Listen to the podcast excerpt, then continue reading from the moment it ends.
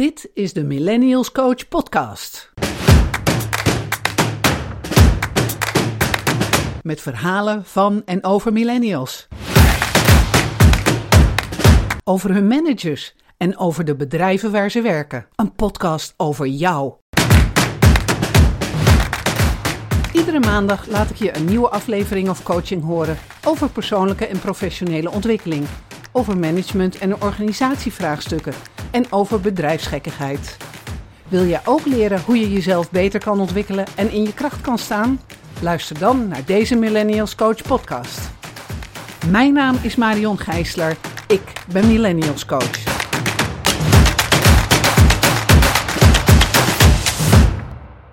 Vandaag een interview met een millennial die graag anoniem wil blijven. Een heel contrast met alle anderen die juist proberen zo zichtbaar mogelijk te zijn. Mijn gasten legt uit waarom. Verder hebben we het over het verschil tussen werken in een commercieel bedrijf en bij een gemeente. En tenslotte over de ervaring van reizen. Heel veel luisterplezier. Vandaag neem ik een interview op met iemand die anoniem wil blijven. Uh, alsnog welkom. Dankjewel. En uh, iedereen die zit zich nu natuurlijk af te vragen van... Wat is dit nu? Waarom wil jij anoniem blijven? Want iedereen die wil met zijn kop op tv en met zijn stem op de radio en in de podcast uh, en dat overal over de alle socials. En jij wil dat niet. Hoe Ja, zit klopt. dat? Ja, Dat inderdaad. Eh, dus dan leg ik inderdaad ook direct de vraag terug: waarom willen mensen eigenlijk zichtbaar zijn? Ehm, komt het bij mij een beetje vandaan? eh, ik denk nu tien jaar geleden liep ik stage bij een bedrijf. En ik had een eh, supervisor en ja, je trekt toch veel met elkaar op. Dus op een gegeven moment bespreek je ook wel persoonlijke dingen. En daarom wist ik dat hij ook eh, getrouwd was en een vrouw had. En hij ze vertelde over vakanties. En nou ja, je, je deelt zo de dag met elkaar. En op een moment dat ik me een beetje verveelde op mijn stage, ben ik achter de computer gaan zitten. En nou ja, ik wist de voornaam van zijn vrouw en ik wist ze zijn getrouwd. Dus de kans is aannemelijk dat ze gedeeltelijk of volledig hetzelfde achternaam zullen hebben. En ik googelde haar en ik heb haar natuurlijk nog nooit verder ontmoet. En ik had een professionele relatie met, eh, eh, met mijn eh, supervisor van de stage. Maar binnen een paar klikken wist ik werkelijk alles van deze vrouw. Ik wist hoe ze eruit zag. Ik wist inderdaad haar voornaam, maar ook haar meisjesnaam. Ehm, ik wist op welke middelbare school ze had gezeten, dus ik wist waar ze vandaan kwam. Ik wist welke opleiding ze had gedaan. Ehm, ik wist wat ze deed voor vrijwilligerswerk en dat ze ergens nog schreef voor een vakblad. Ik wist zelfs dat zij een miskraam had gehad en eh, dat ze twee jongetjes had. Ik zag ook foto's van haar kinderen en van de zomervakantie waar ze heen waren geweest. En ik wist gewoon zoveel meer van haar, eh, terwijl ik deze vrouw helemaal niet kende, eh, dan, ja, waarvan, dan dat ik zeker wist dat mijn supervisor dat mij had willen vertellen, zeg maar. En ehm, dat is iets wat ik zelf absoluut niet wil, dat iemand mij googelt. Ik heb, eh, ik heb een naam, vooral een achternaam eigenlijk, die niet zo heel vaak voorkomt. Dus als je mij googelt, dan is de kans groot dat ik de juiste persoon ben. En dat er gelijk een foto bij hoort en dat je eigenlijk alles van mij weet, waar je mij nog nooit hebt ontmoet. En dat vind ik gewoon een heel naar idee. want wat, dat is een naar idee. Denk je dat er wat mee gebeurt? Of denk, eh, waar- waarom is het een naar idee? Ehm, ik denk dat ik het een naar idee vind, omdat ehm, het, is misschien, het lijkt misschien een beetje op, op, op roddelen of zo. Dat er een bepaald beeld van je eh, bestaat of ontstaat. eh, maar dat het een loopje met je neemt en dat je eigenlijk niet meer goed weet wat ermee gebeurt. Eigenlijk hetzelfde als een soort roddel die wordt verspreid. En ehm, ja, ik denk, het is ook een stukje privé, dat ik het niet prettig zou vinden dat iemand veel van mij weet die ik niet ken. Of dat iemand mij kan googlen en weet hoe mijn levensverloop is gegaan. Iemand die ik eigenlijk helemaal nooit meer spreek. Ik heb dan veel liever persoonlijk contact of één op één contact. Dat we een keer bellen of appen of zo. Dat ik het dan iemand persoonlijk eh, zelf kan vertellen. Dat vind ik veel prettiger. Ehm, ik heb bijvoorbeeld wel LinkedIn. Het heeft ermee te maken eh, met ehm, dat ik het belangrijk vond om mijn professionele netwerk een beetje bij te houden. Ehm, en ook omdat je daarmee ja, toch op een bepaalde manier moet profileren, denk ik. Wil je een nieuwe job of wil je onder de aandacht blijven bij recruiters? Dus dat heb ik echt gedaan puur uit praktisch oogpunt. Maar uit mijn persoonlijke privéleven heb ik liever dat ik het deel met mensen die ik zelf kies. Ja, ja, begrijp ik. Wat bijzonder in deze tijd. Ja, dat denk ik ook wel. Ik denk ook wel dat zichtbaarheid ook wel juist heel belangrijk is in deze tijd. Als je helemaal compleet uh, uh, niet vindbaar bent op Google of zo, dan kan het ook de illusie wekken dat je uh, sociaal een beetje awkward bent of een complete digibate. En dan ben je natuurlijk ja, wat minder interessant. dus juist die beeldvorming over jezelf is misschien ook heel belangrijk. En ook als je ver weg woont, um, is, ja, is de digitale wereld natuurlijk fantastisch om met mensen in contact te blijven die op afstand wonen. Dus heeft ook zeker zijn voordelen. Maar ik, ik denk gewoon dat je met bepaalde media, zoals met WhatsApp of zo, dan kies je er wat bewuster voor met wie je iets deelt. En ik denk hoe meer je uit handen geeft via Facebook of Instagram, het wordt steeds minder controleerbaar, is mijn gevoel. Ja, en het is natuurlijk ook zo. We hebben geen idee van die algoritmes. We hebben geen idee wat al die bedrijven doen met onze gegevens. Echt. Ik zit de laatste tijd ben ik uh, veel aan het zoeken op internet. En bij iedere site die ik aanklik, moet ik alle cookies weg, uh, wegfilteren en uitzetten en zo. Mhm. En als je dan bijhoudt wat je dan allemaal uit moet zetten, dan denk ik ze nu, nou, my god, in wat voor wereld leven we? Ja, nou, jij eh, doet het dan nog best goed, want ik weet zeker, ik doe dat zelf ook niet altijd. Als ik haast heb en ik wil gewoon iets kopen, dan klik ik gewoon door en accepteer ik alles. Ja. Dus dat is ook hartstikke goed dat je dat doet. Maar uh, ja, dat is zo. Dat komt er net ook nog eens bij. Dat, ja, je weet ook niet wat er met de informatie gebeurt. Nee. Dus uh, ja. Ja, en je zei van ja, zichtbaarheid is natuurlijk wel belangrijk. Waarom denk jij dat zichtbaarheid belangrijk is? Nou, het kan me goed voorstellen als je op zoek bent naar een job of zo, um, dat je je nieuwe collega googelt en als iemand gewoon totaal niet vindbaar is, dan denk je van, oh, wat is het voor uh, iemand die, is het misschien iemand die sociaal niet meedraait, of is het iemand die een digibet is, of uh, ja, dat, dat weet je natuurlijk niet bij je nieuwe bedrijf. Um, dus in dat opzicht denk ik dat het wel belangrijk is dat je in ieder geval iets van zichtbaarheid uh, toont en onbewust vorm je ook een, een, beeld over iemand dat ook best heel positief kan zijn. Mm Wat natuurlijk ook met die, die eh, vrouw van mijn supervisor, waar ik in het, het begin van het gesprek naar verwees. Ik heb, ik heb haar nooit ontmoet. Ik weet niet wie zij is, maar door haar, uh, alles wat ze op internet deelt, heb ik ook wel een beeld van haar gekregen. En denk ik dat zij bijvoorbeeld ook heel professioneel kan zijn. Of ik weet waar ze goed in is. Ik weet iets over haar opleiding. En ja, dat is natuurlijk wel dat kan je ook heel goed uh, profileren, zeg maar. Je kan jezelf ermee onderscheiden. Ja, ja. en dat is wat heel veel, waar, waar mensen heel veel de socials voor gebruiken, hè? inclusief mijzelf. Zichtbaarheid is alles. En uh, hoe meer mensen mijn post zien en hoe meer mensen mij liken en hoe meer, hoe meer volgers ik heb, hoe groter bereik ik heb. Zeker in deze tijden van corona, weet je wel. En ja. dat, uh, dus ja, het, het, er, zit, er zit gewoon ja, er zitten twee enorme contrasterende kanten aan dit verhaal. Ja, ja zeker voor jezelf als bedrijf of voor jezelf als persoon. Voor profileren is het echt uh, ongelooflijk bruikbaar. Ja, ja, dat klopt. Mensen vinden je zomaar op internet. Dat is mij ook gebeurd. De telefoon ging. Mag ik jou wat vragen stellen over millennials? Ja, natuurlijk. Oké.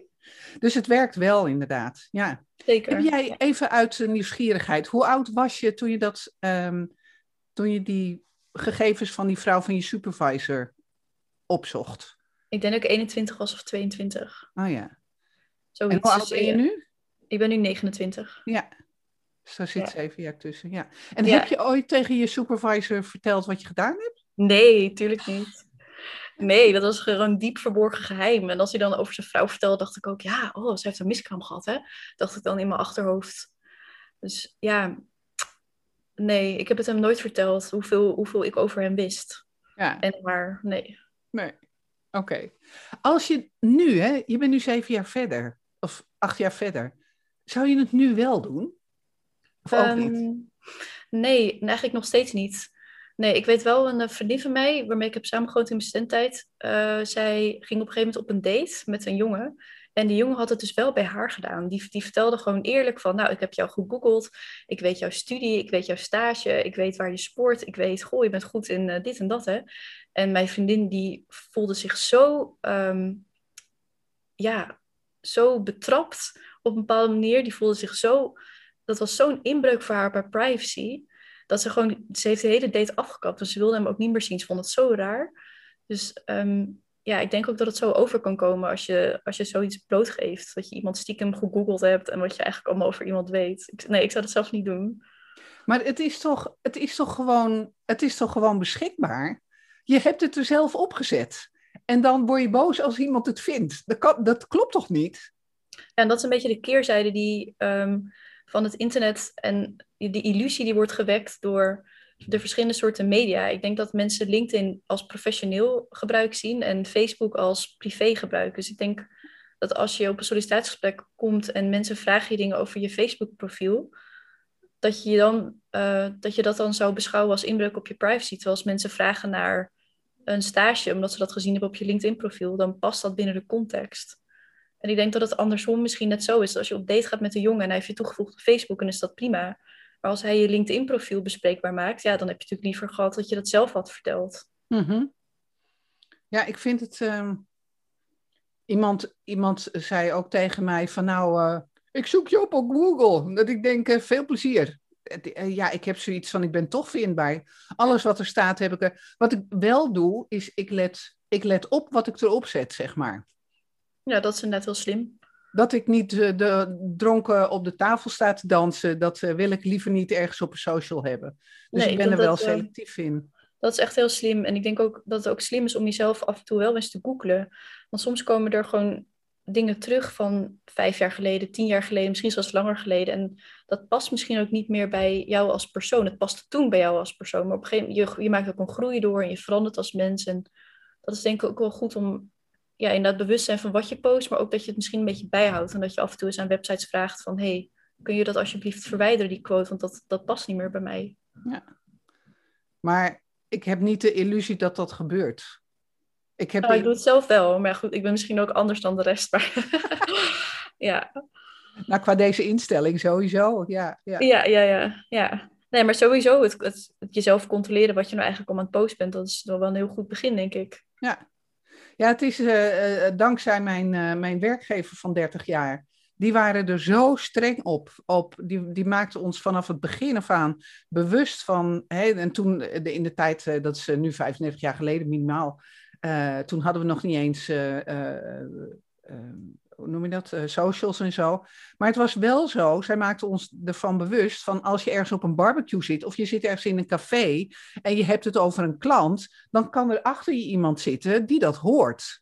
Dus wees daar alert op. Dus ik ben vanaf het moment dat ik ben gaan werken, ben ik me heel erg bewust van alles wat ik zeg en alles wat ik doe. Dat kan afgeluisterd worden en afgekeken worden. En ik denk dat dat zich voor mij heeft doorgezet. Dus ja, als ze mij willen googlen, uh, veel plezier. Als ze jonge foto's van mij vinden, dan zijn het foto's van toen ik jong was. Nou, weet je, geniet ervan. Ja, uh, ja ik, ik kan er niet mee zitten. Ik heb het opgegeven, ze weten alles van mij. Ja. Dus het, ik, ik, vind het, ik vind het buitengewoon interessant om te horen hoe jij daarover nadenkt. Ja, mm, ja. ja. dat is misschien ook wel een contrast tussen uh, generaties. Want ik denk dat mijn generatie is de laatste generatie die de middelbare schooltijd heeft gedaan zonder uh, smartphone waarmee je foto's kon maken. Um, wij, ik zat nog net in de vijf, in 5, 6 VWO dat ik net mijn eigen mobiel had waarmee ik kon sms'en. En ook toen ik mijn uh, vriend, nu mijn man, ontmoette, hebben wij ook ge-sms'd in het begin. uh, maar ik, ik denk dat mensen die nu op de middelbare school zitten, voor hen is het sociale leven zo direct verbonden met hun telefoon en met Instagram en met de foto's. En dan is het, eh, en ik denk zo jong, 14, 15, 16, wat ik veel, dan, ja, dan heeft wat je post ja, misschien voor je gevoel een heel andere lading. En kijk je daar tien jaar later of twintig jaar later heel anders op terug. En had je dingen misschien anders gedaan. Ja, ja wellicht. Um, ik, ik hoor ook millennials um, veel tegen mij zeggen. En veel um, van dat ze zo moeten opboksen bij, tegen het beeld wat ontstaat op die socials. Ja. Het is een soort mhm. van perfect leven. Ja. En dan hoor ik, hè, dat zijn die, die, die millennials die tegen de burn-out zitten. En dan, dan hoor ik ze uh, uh, daartegen opboksen. En dan, dan, dan zeg ik maar, het is, mensen zetten geen negatieve dingen op die socials neer. En dan zeggen ze, ja, dat weet ik wel. Maar toch, weet je wel. Dus dat lijkt me zo ingewikkeld. Ja, dat denk ik ook wel. Je hoort ook wel dat het uh, depressie in de hand werkt. Omdat iedereen's leven lijkt perfect, maar dat van jou is dat niet. Ja, Terwijl je weet dat het helemaal niet waar is. Want hun leven is ook niet perfect, alleen ze laten het niet allemaal zien. Precies, ja. ja. Je zei net van ja, die zichtbaarheid is wel belangrijk en daar hebben we het net even over gehad. En, maar het betekent dus dat jij niet zichtbaar bent. Uh, het betekent dat jij niet zichtbaar bent, punt. Is dat niet belangrijk voor jou dan? Mis je dat dan niet ergens? Nou, op een gegeven moment wilde ik een andere baan. En toen dacht ik, ach, ik moet nu toch echt wel een keer dat LinkedIn-profiel gaan bijwerken. Dat heb ik dan ook met pijn in mijn hart gedaan. Ik vond het zo moeilijk. Uh, en nu weet ik, ik ben er nu wel blij mee, ook omdat toen kreeg ik allerlei berichtjes van de recruiters. Ik had binnen no time had ik een nieuwe job. Dus ja, achteraf uh, was het ook zo erg niet. En ik heb het ook maar laten staan. Maar verder, uh, ja, ik, ik, wil dat gewoon echt niet. Ik heb ook wel Facebook gehad, met name voor reizen, dat ik dan contact kon blijven houden met thuis en foto's kon posten en dat mijn moeder dat dan kon zien. Maar ehm, ja, ik heb dat ook echt verwijderd. Ik wilde dat gewoon. Ik wil dat helemaal niet. Ik vind het, het geeft mij gewoon echt een heel naar gevoel om dat allemaal zo prijs te geven voor mezelf. Allerlei foto's en zo. Dus ja, ik ben, uh, ik ben zichtbaar, maar dan alleen op LinkedIn. En sommige dingen die je googelt over mij, die relateren aan vroeger, aan sport wat ik heb gedaan. Of columns die ik geschreven heb. Ik heb een tijdje voor een tijdschrift gewerkt, dat zal eruit rollen. Uh, mij dan als auteur, zeg maar. Of uh, mijn scripties rollen er allebei uit, bachelor en master. En maar verder ben ik niet zo super vindbaar. Nee. En nu doe je toch deze podcast. Ik bedoel, hoe zichtbaar wil je zijn als je dit, wel dit verhaal vertelt? Hmm. Waarom doe je dit dan wel? Ja, goede vraag. Ik denk omdat ik uh, dit vooral ook doe omdat ik jou natuurlijk uh, ook persoonlijk ken, privé uh, ken. Da dat, daarom vind ik het ook gewoon heel erg leuk om hier aan eh, mee te werken. En ook omdat ik de insteek van jouw programma gewoon heel leuk vind. Over millennials, dat is toch wel mijn generatie. Of in ieder geval, misschien ben ik wel een relatief oude millennial, weet ik niet. Uh, maar uh, ja, ik vind de insteek heel erg eh, leuk. En wil daar wel ja, een bijdrage aan leveren. Ja, helemaal top. Ja, ik vind het geweldig. Want ik heb nog niemand gehad die, die liever anoniem wilde blijven, weet je wel. Ja, ja de, de, de, de bekendheid die aan mijn podcast ge, uh, gedaan, uh, gegeven wordt, die komt ook en vooral door de mensen die ik interview. Dat is heel leuk. dus dat, ja. ja. Ja, helemaal goed. Hey, zou je toch wat over jezelf willen vertellen? Van wie ben je? Wat heb je gestudeerd? wat zijn dingen die, die we van je mogen weten? Leuke... Oh ja hoor. Ja, ja. dat mag prima. Ik um, kom, het valt denk ik uit mijn accent ook al te horen, uit de, het westen van het land, uit de Randstad. Um, en ik heb tot mijn achttiende bij mijn ouders gewoond. Heb ik het jaar afgemaakt en daarna heb ik een tussenjaar genomen om te reizen. Um, toen ben ik uh, ja, geografie gaan studeren. Want ik wilde graag meer weten over de wereld om ons heen. En je kon kiezen tussen aardwetenschap of geografie. Helaas geen aardrijkskunde, anders had ik aardrijkskunde gekozen. Uh, je kon echt kiezen tussen boven de grond of onder de grond. En ik heb boven de grond gekozen, dus vandaar geografie. Um, ik heb daarin een bachelor gedaan en een master. En daarna heb ik uh, vier jaar gewerkt voor een ingenieursbureau. En nu werk ik ja, eigenlijk in combinatie met dat ik moeder ben geworden en iets dichter bij huis zocht en iets meer parttime en rustiger ben ik uh, nu sinds een half jaar werkzaam bij een gemeente hm. als geograaf. Oké. Okay. Nooit geweten dat er geografen bij de gemeente werken, maar blijkbaar wel. Ja, ja het is echt een heel grote werkgever, zelfs voor gemeenten. Ook um, bedrijven als Rijkswaterstaat of provincies. Dat, uh, daar passen geografen echt prima tussen. Ja, dat was ook een, uh, een argument trouwens van mijn ouders om het niet te gaan doen. Dus zeiden ze, nou, dan ga je werken bij de gemeente. Dat wil je toch niet? Weet je zeker als je het gaat studeren, dan ga je werken bij de overheid. Hè? Dat wil je toch niet? Maar toen wilde ik dat niet, maar uh, nu vind ik het echt prima. Ja. ja. Maar je hebt ook bij een ingenieursbureau gewerkt en dat was ja. geen gemeente. Dat was geen gemeente, maar de vele opdrachtgevers waren wel gemeentes, provincies, uh, waterschappen en Rijkswaterstaat. Ja, ja oké. Okay. Waarom ben je geografie gaan studeren? Um, omdat op de middelbare school... Dat kon niet. Ja. ja, nee, het was echt mijn lievelingsvak. Ik wilde echt heel graag weten um, waarom de wereld om ons heen is zoals die is. Uh, waarom uh, ja, wonen we allemaal in steden en is het platteland zoals die is? Hoe zijn dorpen en steden eigenlijk ontstaan? Um, hoe zit het met uh, demografie, migratie, maar ook ja, klimaatvraagstuk vond ik wel interessant.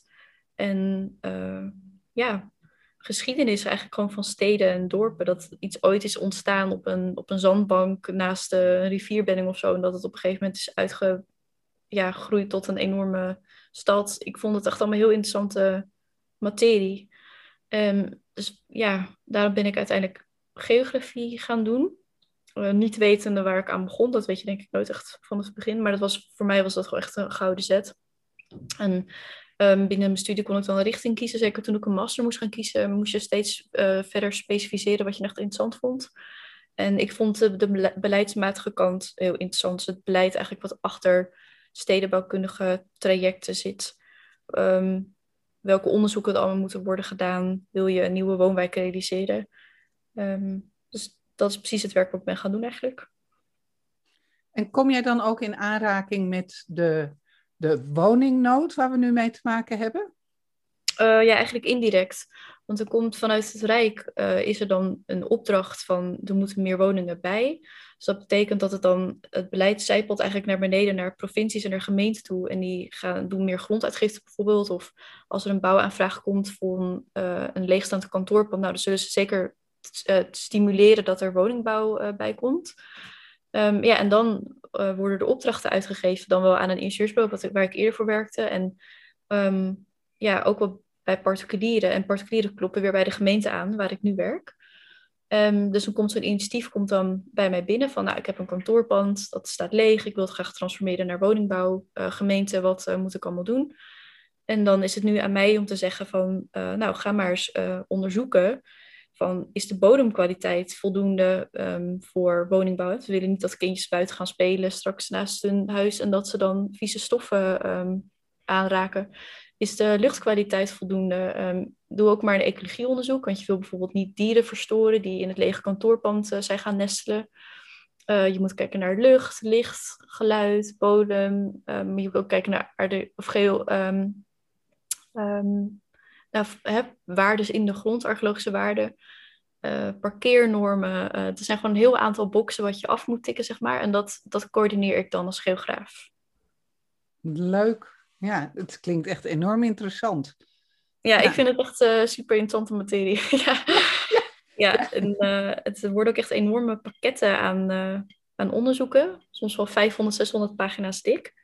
ik doe dat ook niet alleen. Als het uh, echt gespecialiseerd werk wordt, zeg maar, dan hebben we bodembedrijfjes uh, die dan echt uh, het veld ingaan en dan met een stok prikken in de bodem en dan allerlei monsters nemen en dat gaan onderzoeken.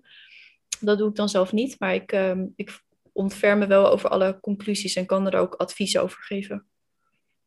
Leuk hoor, ja, enorm interessant. Ik zou zeggen, mocht je ooit weer voor een andere werkgever gaan werken, dan zou ik hem vooral deze opname van deze podcast sturen. Want echt, het, het je straalt het helemaal uit. Ik kan, jou, ik kan jou zien, de manier waarop we het opnemen, maar ik kan het ook horen aan je stem. Ja, dus uh, ja.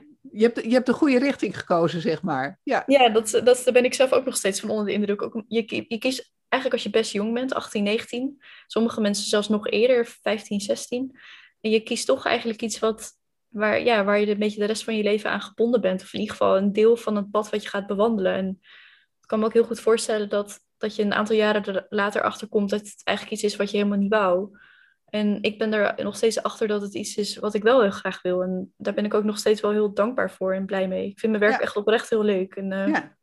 dat, is, dat is echt een, uh, een geluk, denk ik. Ja, ja, ja denk ik ook. Ja, helemaal goed gedaan. Ja. En ben jij, uh, hoe zit het met de man-vrouw ratio in jouw vak? Uh, het is veel meer man, ja. ja. ja. zeker bij het ingenieursbureau waren echt, uh, ik denk 70% man en maar 30% vrouw. überhaupt binnen het bedrijf. En dan zaten de meeste vrouwen nog bij HR en bij, um, bij de secretaresses, zeg maar. En bij de gemeente merk ik al um, dat het al iets meer vrouw is. Ik denk ook omdat ik nu meer samenwerk met stedenbouwers en architecten bijvoorbeeld. En op de een of andere manier zijn dat al iets meer vrouwen dan, uh, dan mannen. Dus ik denk dat het nu wel misschien 60-40 is. Hm. Ja. Wat, wat vinden mannen van een vrouwelijke collega? Want het is bij eigenlijk een best technisch vak wat je doet. Wat vinden jouw mannelijke collega's daarvan? Oh, ik heb het echt nooit als negatief ervaren of als positief. Ik heb het eigenlijk, uh, ik vind het heel moeilijk om te zeggen. Uh, ik ben gewoon één van.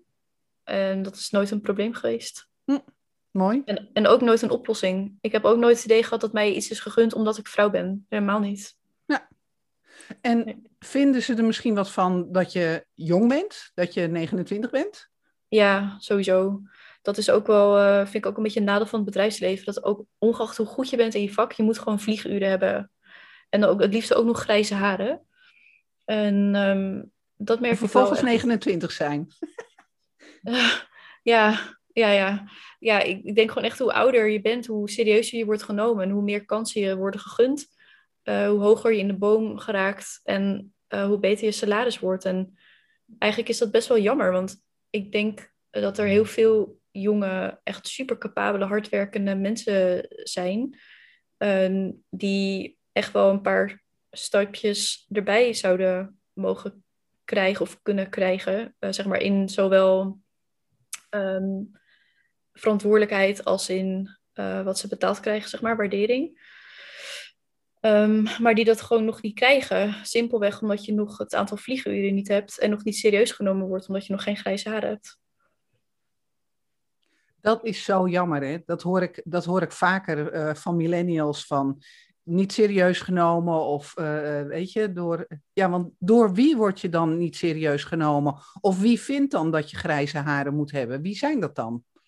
Ja, dat is toch de boven, alle bovenlagen boven jou die, uh, ja, die dat dan vinden. En ik denk ook dat er ook wel een verschil is. Dus dat is misschien wel een mooi millennial voorbeeld tussen mijn generatie en de generatie van mijn ouders bijvoorbeeld. Onze perceptie van hoe lang je bij een bedrijf werkt is ook heel anders. Want ik vind dat als je vijf jaar bij een bedrijf werkt, dat het al best wel lang is. En dat je dan ook eigenlijk al een beetje toe bent aan de volgende stap. Want voor je het weet hoor je bij het meubilair, weet je wel. Ja. Dan ga je echt verstoffen. Terwijl um, nu werk ik bij een gemeente. En als je twintig jaar in dienst bent, nou dan heb je misschien wel eens een keer wat te zeggen. Maar als je er zeven jaar werkt, nou, dan kom je nog maar net kijken. Ja, die werkt er nog maar zeven jaar. Die weet nog niet zo goed hoe het er allemaal werkt. Dus dat is wel echt een enorm contrastverschil. En hoeveel ja, je moet echt zitvlees hebben gewoon. En ik denk dat mensen van mijn generatie dat al een stuk minder zullen hebben.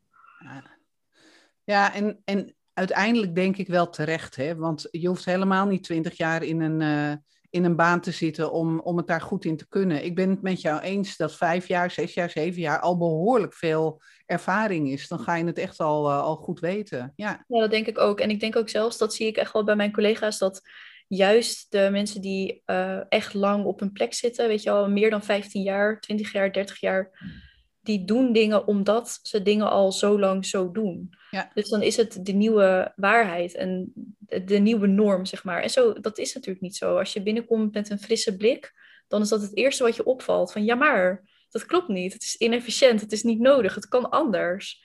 Um, ja, en dat je dan nog maar, uh, weet ik veel, twee jaar bij zo'n plek uh, instantie werkt, word je gewoon niet serieus genomen, niet gehoord. En ik denk echt dat het kwaliteit en efficiëntie van uh, zo'n bedrijf, ja, dat, dat het dat niet ten goede komt. Nee, dat klopt. Dat ben ik echt zo met jou eens. Hoe, hoe zou het moeten gaan volgens jou in zo'n bedrijf? Nou, misschien dat je iemand aan zijn jasje kan trekken na zeven jaar. Van, goh, je hebt het nu zeven jaar gedaan. Zou het niet eens leuk voor je zijn als je eens een keer wat anders gaat proberen? En dan hoeft dat niet eens een, iets anders te zijn binnen een ander bedrijf. Want je wil je personeel natuurlijk niet wegjagen.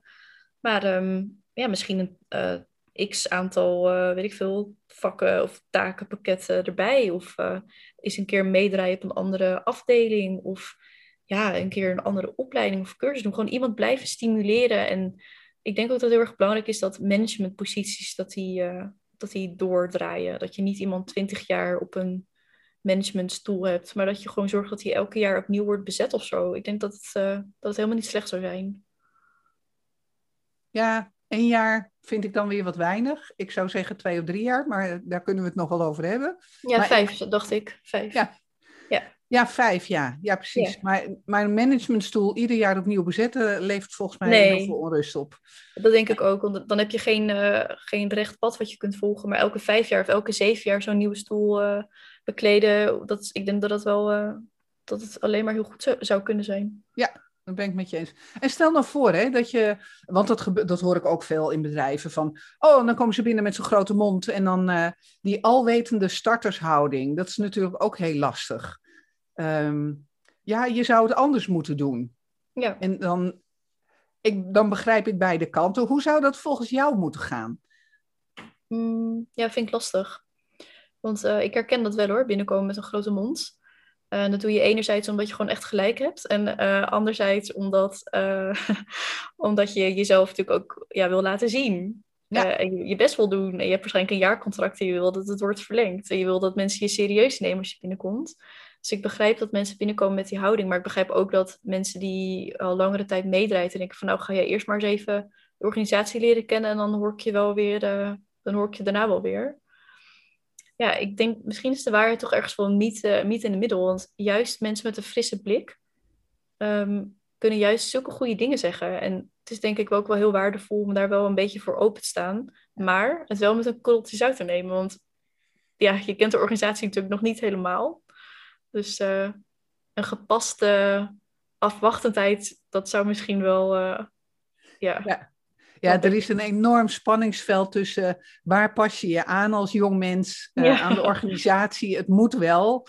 Maar hoe pas je je zo min mogelijk, of ja, zo min mogelijk aan, zo goed mogelijk aan, zodat je toch je eigenheid en je verse ideeën behoudt en je eigen initiatief behoudt. Weet je wel? Uh, ja. Ik wens bedrijven toe dat ze uh, dat ze die jonge mensen niet meteen afschieten. Uh, laat, eerst, laat eerst eens even praten van... oké, jij denkt dat dit een goed idee is. Kom het eens even uitleggen, weet je wel? Ja. En dan, uh, dan, dan kletsen ze zich in mijn beleving vanzelf wel vast. En dan, dan, zou ik als manager zeggen... nou kijk, hier moet je nog een beetje leren. Ja, ja. Nou, dat, dat is denk ik een hele mooie houding. Dat is wel heel leuk als iemand dat zo doet. Ja, en voor de starter... ja, pick your fights, hè ik denk ook dat je niet van alles een probleem gelijk hoeft te maken, maar je moet ook weten bij wie je het aan moet kaarten en wanneer, op welk moment. En uh, ja. ja. Moet dat je een soort, beetje aanvoelen. Ja, dat soort bedrijfssociale handigheid, die moet je een beetje leren in de loop der tijd. Ja, ja precies. Ja. ja. Maar ik zal, ik zal echt, ik zal tegen iedereen zeggen, stel vooral vragen en vraag waarom dingen zijn. Want dan kom je vanzelf op die vastgeroeste patronen uit waarvan mensen zeggen, nou, weet ik eigenlijk niet hoe lang en waarom dit uh, zo is. Uh, ja. Ja, ja, precies. Ja. Jij hebt bij een ingenieursbureau gewerkt en je hebt bij de gemeente gewerkt. Ja. Hoe verschilt dat van elkaar voor jou als millennial of voor jou als werknemer? Of waar zitten de overeenkomsten en de verschillen?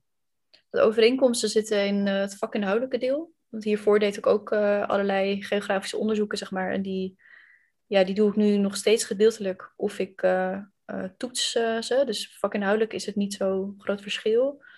Een ander vakinhoudelijk verschil is, um, of overeenkomst eigenlijk, is de, de projectinhoud.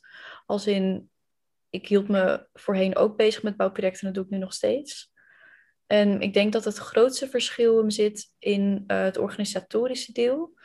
Um, ik denk dat een bedrijf, als in uh, een niet-overheid, er gericht is op het doel. En een doel kan hem zitten in uh, je project zo succesvol mogelijk afronden, succesvol in tijd of geld, efficiëntie of in relatie. Um, maar in ieder geval doelgericht. En bij een gemeente is het procesgericht. Dus ik denk dat de uiteindelijke, de uiteindelijke uitkomst, dat maakt niet zoveel uit. Want dan is de, ja, de gemeente gewoon wat minder dan, belang dan. De gemeente heeft er veel belang bij dat het proces goed is doorlopen. Dat alle personen die er iets over zouden moeten vinden, dat die um, ja, ook daadwerkelijk uh, gevraagd zijn en gehoord zijn. En dat alle juridisch-technische boxen zijn afgevinkt. Dat uh, de um, college van burgemeesters en wethouders is geïnformeerd, dat de gemeenteraad netjes is geïnformeerd, dat uh, de wethouder zich uh, nog aan publiek uh, netjes kan verschijnen en niet in de zwart in de pers te staan. Um, dat is waar de gemeente ja, uiteindelijk op draait. Dat is toch bijzonder dat het om het proces draait en niet om, om het doel.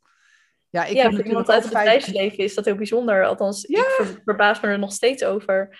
Um, maar andersom gezien uh, is het voor de gemeente... Uh, dat is gewoon, dat is het werk, dat is waar het om gaat. Het gaat om het proces. En het is niet belangrijk dat iets efficiënt is. Nee, het is belangrijk dat, dat het proces gewoon in de juiste stap is doorlopen. En ik denk vanuit het ambtelijke zit daar ook wel een zekere waarde in. En een zekere historie van hoe Nederland is uiteindelijk is ontstaan. En uh, dat, ja, hoe, hoe, het Rijk werkt en hoe, hoe het ambtelijk dan naar beneden zijpelt via de provincie en de gemeente. En um, ja, het gaat natuurlijk ook uiteindelijk om de bewoners en de inwoners. En die wil je natuurlijk uiteindelijk ook gehoord hebben. En iedereen, ja, Dus er zit ook zeker wel iets heel logisch achter. Uh, maar de manier van werken is inderdaad voor iemand uit het bedrijfsleven even omschakelen. Dat klopt echt, ja. Ja, ja enorm. Wat betekent dat voor jou?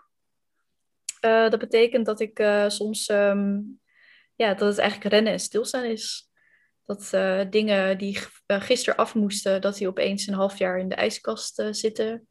Um, of dat projecten waar je knijterhard voor hebt gewerkt, dat die opeens vallen um, bij het college of bij de raad. En dan niet eens omdat jij je project niet goed hebt gedaan, maar omdat de parkeernormen zijn aangescherpt.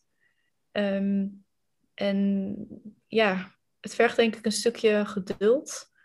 En ook een andere manier van uh, denken en werken. Want bij het ingenieursbureau was ik er echt op gericht dat uh, een project gewoon zo goed en zo snel als efficiënt mogelijk af was. En dan had ik mijn werk goed gedaan.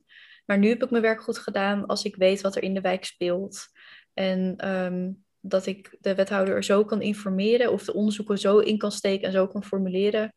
Dat, uh, ja, dat uiteindelijk de bevolking ook blij is met, met de keus. het is gewoon echt een andere manier van werken, een andere manier van denken, een andere manier van je project benaderen. Dat, dat betekent het voor jou. En hoe vind je dat? Want ik kan me enorm goed voorstellen, ja, toen ik bij IBM werkte was het ook zo. Op een gegeven moment werd de stekker uit iets getrokken en dan dachten we, nou, heel hard gewerkt, we hebben leuk gewerkt eraan, maar huppakee, we gaan door naar het volgende. Ik vond het niet zo heel erg. Hoe, hoe vind jij dat, dat, dat het zo zit? Mm, ik vind het gewoon interessant om mee te maken. Ehm, dat, dat, dat is het met name. Ik ben gewoon verwonderd over de gang van zaken en dat, dat vind ik interessant. Uh, daar word ik enthousiast van, als in het is nieuw, het is anders, het is uitdagend, het is iets wat ik nog niet weet. Uh, dat vind ik gewoon uh, leuker aan en, en prikkelend.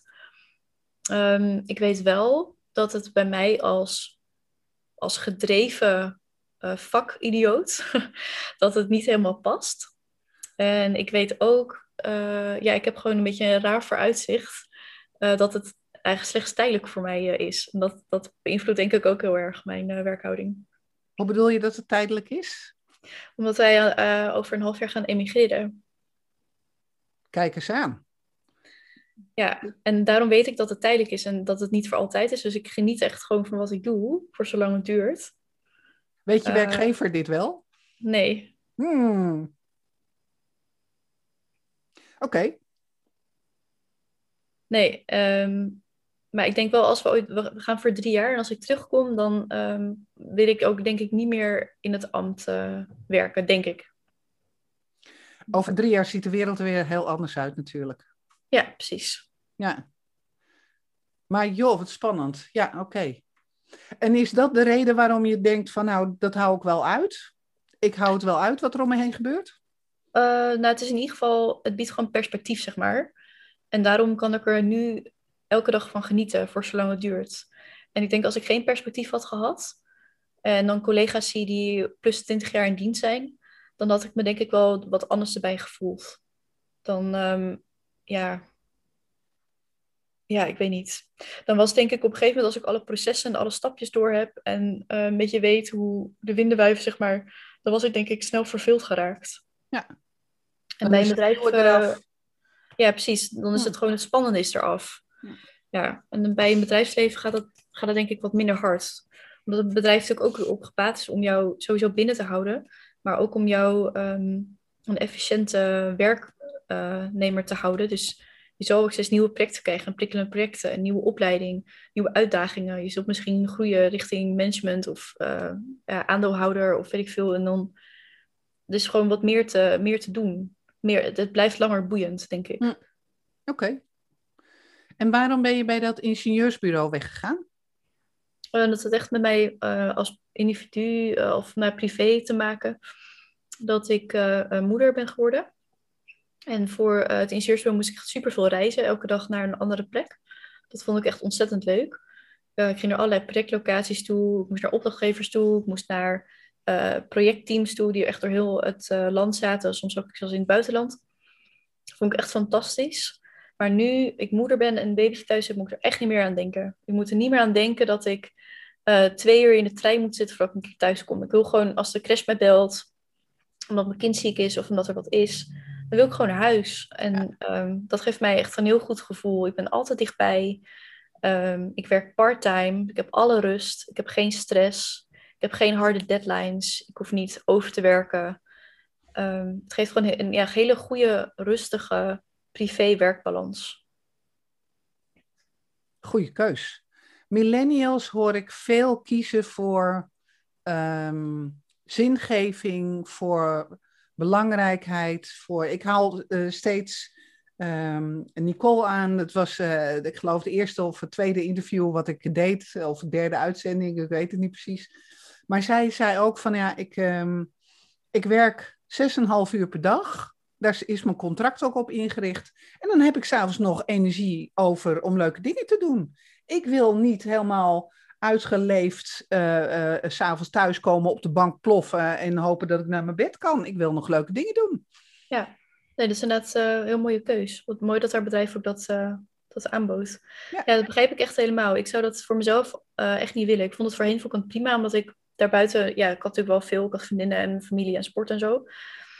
Um, maar ik vond het echt niet erg om een paar uur over te draaien of pas laat thuis te komen, want ja, ik had toch aan niemand verantwoordelijkheid af te leggen, zeg maar.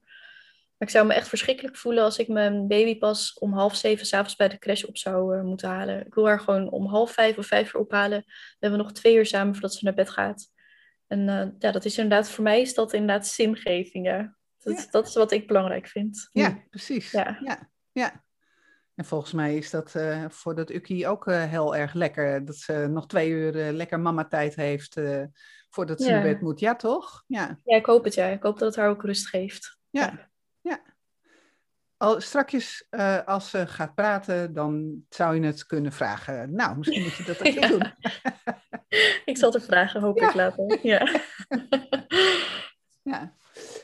Um, jij... Um, je hebt gereisd, want uh, in, tijdens je tussenjaar, vertelde je. Ja, veel, ook veel daarbuiten. Ja, ik heb ook studievertraging erdoor opgelopen, door al mijn reisjes. Ja, vertel, vertel eens over die reislust van je. Waarom, heeft het iets met je vak te maken? Of, uh... um, ja, ik denk het wel. Ik denk wel sowieso met mijn interesse over de aarde en de wereld en alle continenten en het klimaat en alle verschillende seizoenen die overal heersen. Ja, dat denk ik echt wel. Ik wilde echt heel graag de wereld zien. Um, en het begon met mijn tussenjaar. Toen ben ik naar Zuid-Afrika geweest. En dat mocht eigenlijk niet van mijn ouders, want ja, ik was uh, net 18 of 19. Het was niet zo'n goed idee dat ik daar in mijn eentje ging rondreizen. Dus ik ben toen onder de vleugels gegaan van een uh, taalschool. En vanuit daar uh, ben ik zelfs, ja, ik had een inkomtoets en een uitgaantoets. En mijn uitgaantoets heb ik slechter gemaakt dan mijn inkomtoets. Dus dat betekent dus dat ik taaltechnisch erop achteruit ben gegaan in die maanden. Um, maar uh, ik heb echt een fantastische tijd gehad. Ik heb gewoon superveel gereisd, superveel gefeest, het land gezien, vrijwilligerswerk gedaan in de townships in Kaapstad. En ik heb het ook heel zwaar gehad. Ik vond het echt soms ook echt super, super moeilijk om helemaal alleen te zijn en zo ver van huis. En dan had ik net een vriendinnetje gemaakt en dan ging ze weer weg. En um, ja, ik heb het ook echt heel zwaar gehad, maar het was zo'n waardevolle ervaring. En dat heb ik altijd meegedragen. En ja, dat is gewoon wat ik super belangrijk vond. Ik ben toen gaan studeren en toen heb ik ook nog uh, een semester in het buitenland gestudeerd, in Zwitserland. Dat was ook echt fantastisch. Uh, Duitse taal geleerd, ook weer wederom superveel gefeest. Ja, ik weet niet, uh, het is een beetje af aan het reizen misschien, maar dat was gewoon echt heel erg leuk. veel geskiet, genoten van andere eten, gewoonten, andere feesten. Um, het is gewoon zo ongelooflijk waardevol. Je ontmoet ook zulke bijzondere contacten. Um, ja, mensen waarmee je zo op een ander niveau een connectie hebt, omdat je allebei uit een ander land komt. En het is, het is echt ongelooflijk bijzonder. En dat vond ik eigenlijk van elke reis. En dat, ik denk dat na elke reis wilde ik eigenlijk nog een reis maken, omdat het gewoon zo bijzonder was en zo um, zo verrijkend op zoveel vlakken. Ja. ja. ja. mooi. Als je nu weg zou kunnen, weg zou willen, want uh, je kan natuurlijk altijd, maar je wil niet. Maar uh, uh, waar zou je heen gaan dan nu? nou, dat is eigenlijk wel een grappige vraag. Want voordat ik moeder werd, ben ik getrouwd. En toen hebben we een huwelijksreis gemaakt. En toen heb ik tijdens onze huwelijksreis heb ik het laatste gezien wat ik heel graag wou zien. En dat was het Noorderlicht en walvissen. Uh, en toen ik de Noorderlicht had gezien en de walvissen, dacht ik, nou, nu hoef ik niks meer te zien. Nu heb ik alles gezien. Ik heb het oerwoud gezien, ik heb de woestijn gezien, ik heb de olifanten in het wild gezien, ik heb, ja, van het ijs tot, tot alles, alles ertussenin, alle continenten afgetikt, behalve Antarctica, dan ben ik niet geweest. Um, en toen dacht ik, nee, nu is het goed. Nu is het klaar. En zo voel ik het eigenlijk nog steeds wel. Alles wat nu erbij komt is een plusje maar geen noodzaak. Nee, precies. En dat, dat zou ik me dus heel erg kunnen voorstellen. En dan denk ik ook van, hoe leuk is het dat je dat hebt kunnen doen en dat je nu in alle rust gewoon lekker mama kan zijn en uh, daar je aandacht op kan richten. Ik, ik vind het echt, ik ben vol bewondering, echt waar. Dat heb je heel goed gedaan. Ja, ja, leuk. Ja, ja. ja het, de, de, de situaties lenen zich ook wel ervoor. Als in, dat tussenjaar was gewoon goed getimed. Uh, sabbatical, sabbatical in het buitenland, dat, hoorde dan, of dat, daar kon je voor kiezen tijdens je studie. En tussen mijn bachelor en mijn master heb ik ook nog een paar maanden ingelast om te reizen. En verder eigenlijk alle zomervakanties. Je hebt gewoon echt lang zomervakantie als je studeert.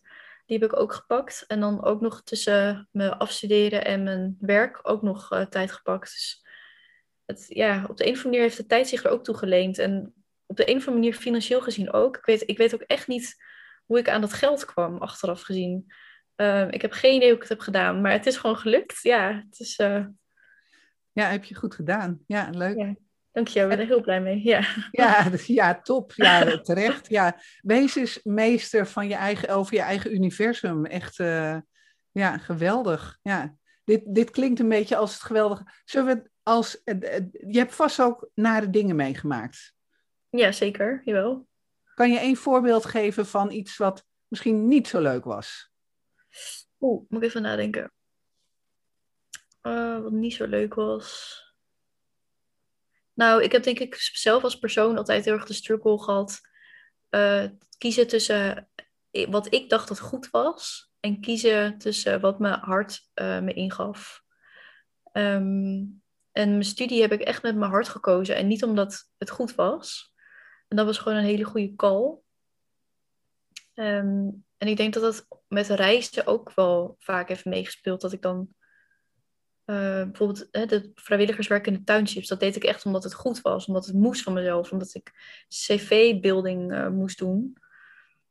Maar het was niet iets wat mijn hart me ingaf. En toen ik daar was, vond ik het ook echt ontzettend zwaar. Um, ik had ook niet het gevoel dat ik iets bijdroeg aan het verwezenlijken van een beter leven voor de mensen daar. Ik had meer het gevoel dat ik soort van aapjes kwam kijken. En dat ik het echt deed voor, zeg maar, self-fulfilling. Omdat ik het deed omdat het voor mij goed was en niet voor de mensen daar. En dingen die ik daar niet thuis heb gezien, dat was echt super schrijnend. En ja, ik denk achteraf, als ik gewoon met mijn hart had gekozen, had ik het niet gedaan. Wat had je dan wel gedaan? Wat zei je? Wat had je dan wel gedaan? had ik me gewoon veel meer gestort op de studie, denk ik. En uh, ja, meer de toerist uithangen in plaats van de ramptoerist. Door naar die gebieden te gaan. Ja, snap ik. En dat soort keuzes heb ik denk ik wel vaker in mijn leven gehad. Uh, dat ik, ik heb uiteindelijk twee masters gedaan. Eén master omdat het moest, omdat ik dacht dat het goed was. En één master omdat daar mijn hart lag. En ja, achteraf, ik heb die ene master helemaal niet nodig gehad. Je was gewoon een jaar bikkelen en zwoegen en het eigenlijk gewoon heel erg naar hebben. Kijk gewoon heel erg naar terug op dat jaar. Ja, waarvoor eigenlijk? Kom je later kom je er eigenlijk achter dat het helemaal niet hoeft. Ja. Ja, dat weet je nooit van tevoren. Als je het van tevoren had geweten, dan had je het niet gedaan. En, Mijn hart wist het wel. Ja. Mijn hart wist het echt prima. Maar ja, toch ook niet, niet altijd dapper geweest. Of ja, dapper genoeg geweest om daar naar te luisteren. Maar ook naar dat stemmetje in mijn hoofd. Dat ik altijd maar dingen moet. Dat ik het altijd maar goed moet doen. Dat is wel echt een struggle voor mij geweest. Nog steeds wel, ja. ja. Je bent in goed gezelschap. Het is vaak het onderwerp van uh, gesprek wat ik heb met... Uh, niet alleen met millennials, maar met heel veel mensen. Dus uh, ja, dat moeten. Ja. En ja. Los, maar los daarvan denk ik dat je dat je het wel heel goed gedaan hebt. Want je hebt niet alleen maar moeten gedaan als ik, het, als ik je verhaal zo hoor. Je hebt ook heel veel willen gedaan. Ja. Ja, ja, gelukkig wel. Ja. En het kan me heel goed voorstellen dat het echt een cirkel is van, uh, van, van, onze generatie. Ik hoorde daar, ik, ja, ik, ja. Ik, volgens mij heb ik laatst iets over gelezen. Wat ik uh, wel intrigerend vond. Over onze generatie. Of de mensen die dan nu eigenlijk opgroeien, uh, die nu op de middelbare school zitten, dat er van onze generatie en de generatie daaronder altijd maar wordt verwacht of gehoopt dat wij het weer beter gaan krijgen dan onze ouders.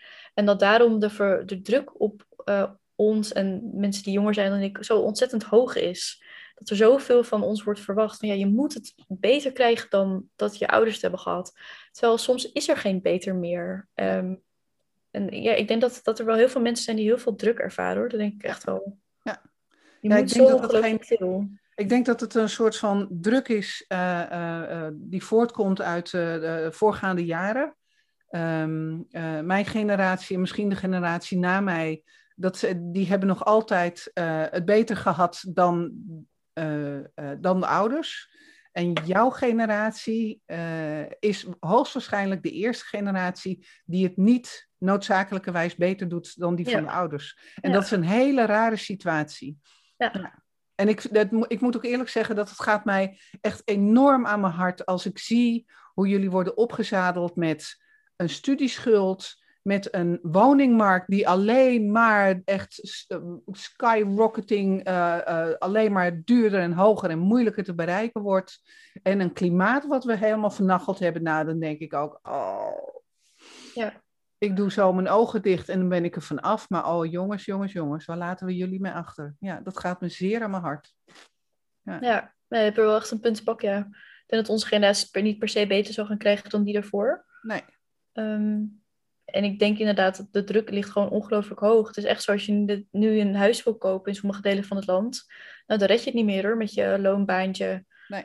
Um, nee, dat zo. Twee inkomens minimaal enzovoort. Ja, ja. precies. Ja, dus ja, ja nou.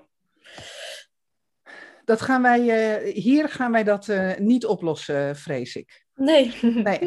nee. hey, ik vind dit een mooie afsluitende opmerking. Dus als je het goed vindt, dan, uh, dan rond ik het hiermee af. Ja, prima, dankjewel. En dan wil ik je enorm bedanken voor je zichtbaarheid hier in deze podcast. Ik heb het enorm leuk gevonden. Het is een heel andere podcast geworden dan uh, de, de podcast die, we, die ik hiervoor heb gemaakt. Uh, maar wel, ja, ik vond het buitengewoon fascinerend. Dus dank je wel daarvoor. Dankjewel. Dank je, leuk dat ik mee mocht doen. Heel graag gedaan. Mijn naam is Marion Gijsler. Ik ben Millennials Coach. Ik help millennials te stralen bij de bedrijven waar ze werken. En ik help de bedrijven om de millennials die ze in dienst hebben of willen hebben te boeien en te binden en optimaal de ruimte te geven als volgende generatie in de organisatie. Ik nodig je uit om daar een goed gesprek met mij over te hebben. Ga naar millennialscoach.nl en neem contact met me op. Tot snel.